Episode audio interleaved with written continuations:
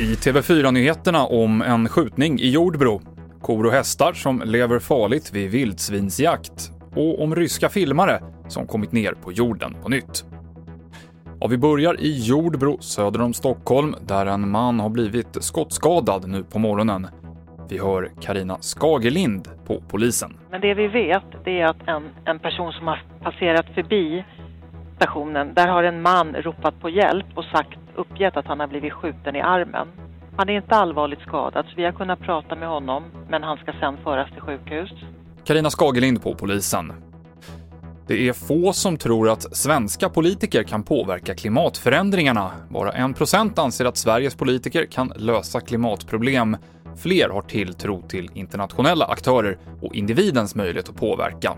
Nästan hälften tycker att det bästa sättet är att sätta ekonomiskt tryck på de länder som påverkar klimatet mest. Det här visar en Novusundersökning gjord för SVT. Ett ryskt filmteam landade nu på morgonen på jorden efter att ha tillbringat nästan två veckor på den internationella rymdstationen ISS.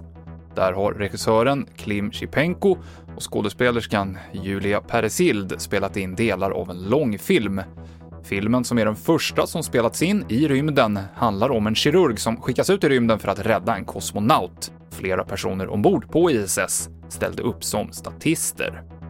Och det har blivit vanligare att tamdjur blir skjutna av misstag av jägare. Jägarförbundet säger till SVT att det oftast handlar om jägare som jagar vildsvin i mörker med så kallade värmesikten och då misstar kor och hästar för vildsvin. Fler nyheter hittar du i appen TV4 Nyheterna. I studion Mikael Klintevall.